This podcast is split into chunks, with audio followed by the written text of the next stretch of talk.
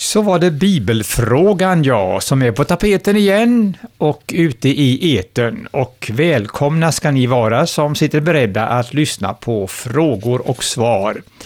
Som eh, är eh, och går ut på att eh, man kan låta Bibeln vara den som svarar. Och det är mycket som Bibeln kan svara på. Existentiella frågor, samlevnadsfrågor, ja, väldigt mycket. Det är ju så att Bibeln har så lång erfarenhet av det mänskliga livet, många tusen år. Och därför så är den kanske bättre skickad än mycket och många andra att kunna svara. Ruben Engdahl heter jag som brukar försöka förmedla svaren ifrån Bibeln. Det kan jag inte alltid göra, men rätt ofta tycker jag att det går bra. Och tekniker är Anne-Maj Sandström. Det är så att eh, vi har ett telefonnummer dit du kan eh, ringa och det ska du få senare. Då ska du också få eh, eh www-adressen till oss och så vidare. Vi får ju in frågor via internet. Vi får in frågor också genom brev och telefon och kontakter. Och eh, när jag läser Bibeln, och det gör jag som regel varje dag och rätt mycket, så eh, växte frågor hos mig också som jag skulle vilja söka svar på och som jag tar upp här också i de här programmen. För jag tänker att eh, svaren på de frågorna som jag själv söker måste ju intressera andra också. Ja, så att det är på många sätt och genom många kanaler som vi får in frågor. Sen är det så att de här programmen går i repris på mm, tisdagkvällar tisdagskvällar kvart i elva och så fredagmorgnar kvart i åtta. Och med det och det är sagt så sätter vi väl igång med frågorna då. Jesus lär ju ha sagt, här ska inte lämnas sten på sten, men var i Bibeln står det? Jo då, det är Jesus ord det, det är säkert det. Och de handlar om Jerusalems vackra tempel som Herodes hade kostat på och förskönat. Templet var inte ens färdigkompletterat på Jesu tid ens. Och en gång så bad lärjungarna Jesus att han skulle se på de stora vackra stenarna i tempelbyggnaden. Och det var då som Jesus sa de här orden. Och vi hittar dem på två ställen, bara hos Lukas. Dels Lukas 19, 43 och 44 och dels Lukas 21, vers 5 och 6. Och det förra stället, det i Lukas 19, 43 och 44, tycker jag är så dramatiskt. Och jag läser de båda verserna. Det ska komma en tid då du får se dina fiender bygga vallar runt dig och omringa dig och ansätta dig från alla håll. Det Jesus talar om här är väl närmast en personifikation av Jerusalem och templet i synnerhet. Och eh, han ser då framåt 40 år i tiden Jesus, till eh, judarnas uppror mot romarna, som romarna krossade i blod. Och jag läser vidare sen. De ska slå dig och ditt folk till marken, och de ska inte lämna sten på sten, eftersom du inte förstod att tiden var inne för Guds besök. Romarna under general Titus stormade Jerusalem och brände ner templet. Det var en soldat som kastade in en fackla bland draperierna och snart stod hela templet i ljusan låga. Och soldaterna rusiga av guld, hunger för guldet rann ner, välte och vände upp och ner på varenda sten och så gick det i bokstavlig uppfyllelse som Jesus hade sagt, här ska inte lämnas sten på sten. Det inträffade alltså år 70 efter Kristus, denna väldiga tragedi. Vi går vidare. Vilka är det som kallas för patriarkerna i Bibeln?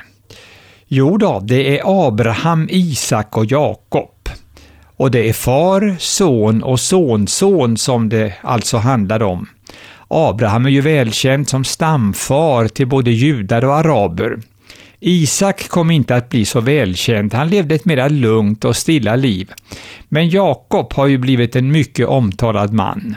Han fick tolv söner och en dotter, och det var ju Jakobs söner som ju blev de tolv stammarna i Israel. Ruben, Simon, Levi, Juda, Dan och så vidare, ända upp till den tolfte, Benjamin. Det var det det. En, en ny fråga. Vad är det som kallas för den gyllene regeln? Det är ett mycket vackert ord det, som Jesus själv uttalade och som lyder så här. Allt vad ni vill att människorna ska göra för er, det ska ni också göra för dem. Och Jesus uttalade de här orden i sin berömda bergspredikan, som ju står upptecknad av Matteus i det sjunde kapitlet. Bland annat, ja det är fem, sex och sju kapitel, men i, i Matteus 7 och 12 står just de här orden. Att Jesu ord eh, kom att kallas för den gyllene regeln betyder att den regeln balanserar så fint förhållandet mellan oss människor. Det handlar om att både få, ge, både få och ge, skulle jag vilja säga. Och det är, ett, ja, det är ett grundläggande kristet bud helt enkelt. Vad är den babyloniska fångenskapen för något? Ja, det är många små frågor idag. Jo, då vill jag svara att uttrycket den babyloniska fångenskapen, det går tillbaka på två historiska händelser. Först och främst på 500-talet före Kristus då judarna fördes i fångenskap av det mäktiga babyloniska väldet under Nebukadnessar då som ju intog Jerusalem. Eh, ja, 586 var det. Det var en fångenskap som varade i runt 70-talet år och därför brukar man också tala om den 70-åriga fångenskapen. Och efter den tiden fick ju judarna återvända till sitt land igen. Den andra historiska händelsen ligger betydligt senare i historien, men ändå långt ifrån vår tid förstås. Vi får gå till 1300-talets Europa och den katolska påvemakten. Det var så att påvarna tvingades lämna Rom och kom istället att upprätta sin styrelse i Avignon i Frankrike. Och den tid som påvarna tillbringade i Avignon brukar kallas för påvarnas babyloniska fångenskap. Sen blir det tillbaka till Rom igen förstås. Ja, det var detta om de två babyloniska fångenskaperna. Vi tar en ny fråga. Om proppen går eller det blir strömavbrott så talar man om att det blir egyptiskt mörker. Men vad menas med det och varifrån kommer det talesättet? Egyptiskt mörker var det ja. Jo, då får vi gå till den bibliska historien igen och händelser från Israels folks vistelse som slavarbetare i Egypten. Mose trädde upp inför farao och krävde att Israels folk skulle släppas fria så att de kunde lämna Egypten och dra ut i öknen som han sa för att bedja till Herren. Detta vägrade ju farao förstås. Men för att mjuka upp farao kom tio olika hemsökelser slag i slag över Egypten. Det var eh, blod i vatten och vattendrag. Det var, eh, det var eh, ja, alla möjliga sorters djur och insekter och myggor och paddor och så vidare. Men en av dessa plågor var ett kompakt mörker som varade i tre dagar. Och det är från den här händelsen som det här uttrycket egyptiskt mörker kommer. Och det vill då betona dels att mörkret var särskilt tjockt och dels att det varade länge. Och vad man kan förstå av den bibliska framställningen så var det här en avsevärt eh, svår plåga. Den åstadkom också väldigt mycket depression och sådant. Eh, från kristet håll talas det bara om himlen, det är en ny fråga som kommer igen. Dit ska alla komma. Men hur ska det bli med vår vackra jord? Ska den snurra obebodd och öde genom evigheten? Ja, det är en intressant fråga det här verkligen. Och jag får säga det redan från början av mitt svar att jag tror inte att vår vackra jord ska snurra obebodd och öde genom evigheten.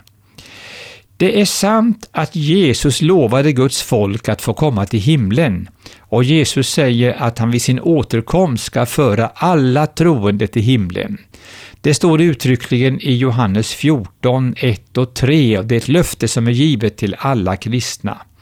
Där säger ju Jesus att ”jag går bort” och då syftar han på sin himmelsfärd. Men jag ska komma igen och ta er till mig, för jag vill att där jag är, där ska ni också få vara. Och Jesus säger också att hans folk ska få se den härlighet som han hade före världens begynnelse. Men sedan, efter en tid i himlen, så blir jorden återigen aktuell. Jorden ska då vara renad genom eld, som Petrus säger. Kanske någon god bibelläsare kommer ihåg att den första världen, den gick under genom vatten, den andra genom eld, den ska renas. Och därefter ska den bli de frälstas eviga hem. Jesus sa ju att de saktmodiga ska besitta jorden. Och Petrus säger att nya himlar och en ny jord, där rättfärdighet bor, väntar vi på enligt hans löfte. Och Jesus talar också om den tid när jorden föddes på nytt. Ett intressant uttryck. Uppenbarelseboken 21, det kapitlet, berättar om den stad, kallad Nya Jerusalem, som alltså idag finns i himlen, hur den ska komma ner till jorden. Och det sägs i Hebreerbrevets elfte kapitel att Abraham väntade på staden med de fasta grundvalarna. Alltså den nya staden, den nya Jerusalem. Och det står att Gud själv ska vara hos sitt folk på den nya jorden. Och om man fantiserar lite grann kanske, så kan man få förståelsen av att Gud kommer att upprätta sitt universella centrum på den här jorden. Det låter ju både ofattbart och underbart. Men det är ju vår jord som varit skådeplatsen för den stora kampen mellan gott och ont. Och det var här som korset restes, som evigheterna igenom ska vara garantin för att synden aldrig mer kommer att uppträda igen. Så inte ska den här jorden vara öde och bortglömd inte. Gud har fantastiska planer för den här jorden enligt de bibelställen som vi har tagit eh, till oss här just nu. Vi tar en fråga till. Man talar i politiken och annars också om dansen kring guldkalven. Det kommer ju från Israels folk som gjorde en guldkalv när Mose dröjde för länge på Sinai berg. Men vad står själva uttrycket för? Jo, dansen kring guldkalven står, ja, egentligen för penningbegär helt och hållet.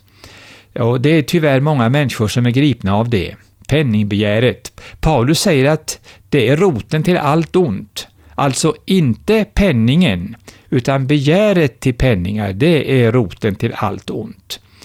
Penningar är väl bra att ha, om de används på rätt sätt. Penningbegäret är aldrig bra, det är fördärvligt. Eh, vi tar en liten fråga till, till sist. Bönen Fader vår har ju Jesus själv komponerat, om jag får använda det uttrycket. Men finns det någon mer bön i Bibeln som kommer direkt från Gud eller från Jesus? Ja, visst gör det det. En av de mest underbara böner jag vet nämligen Herren välsigne dig och bevare dig. Och den hittar vi i fjärde Mosebok kapitel 6 och de allra sista verserna där. Och eh, den bönen, den är komponerad av Gud själv. Och den skulle översteprästerna och de israel, israeliska prästerna använda när de välsignade Israel. Och den kan användas till att välsigna med idag också. Och därmed så ska du få lite adresser till oss och telefonnummer. Eh, om du vill gå på internet så är det www.adventist.se Goteborg. Och så är telefonnumret till oss 711 1199 711 1199 och därmed är det slut för bibelfrågan för den här gången ifrån Radio Adventkyrkan. Jag heter Ruben Engdahl.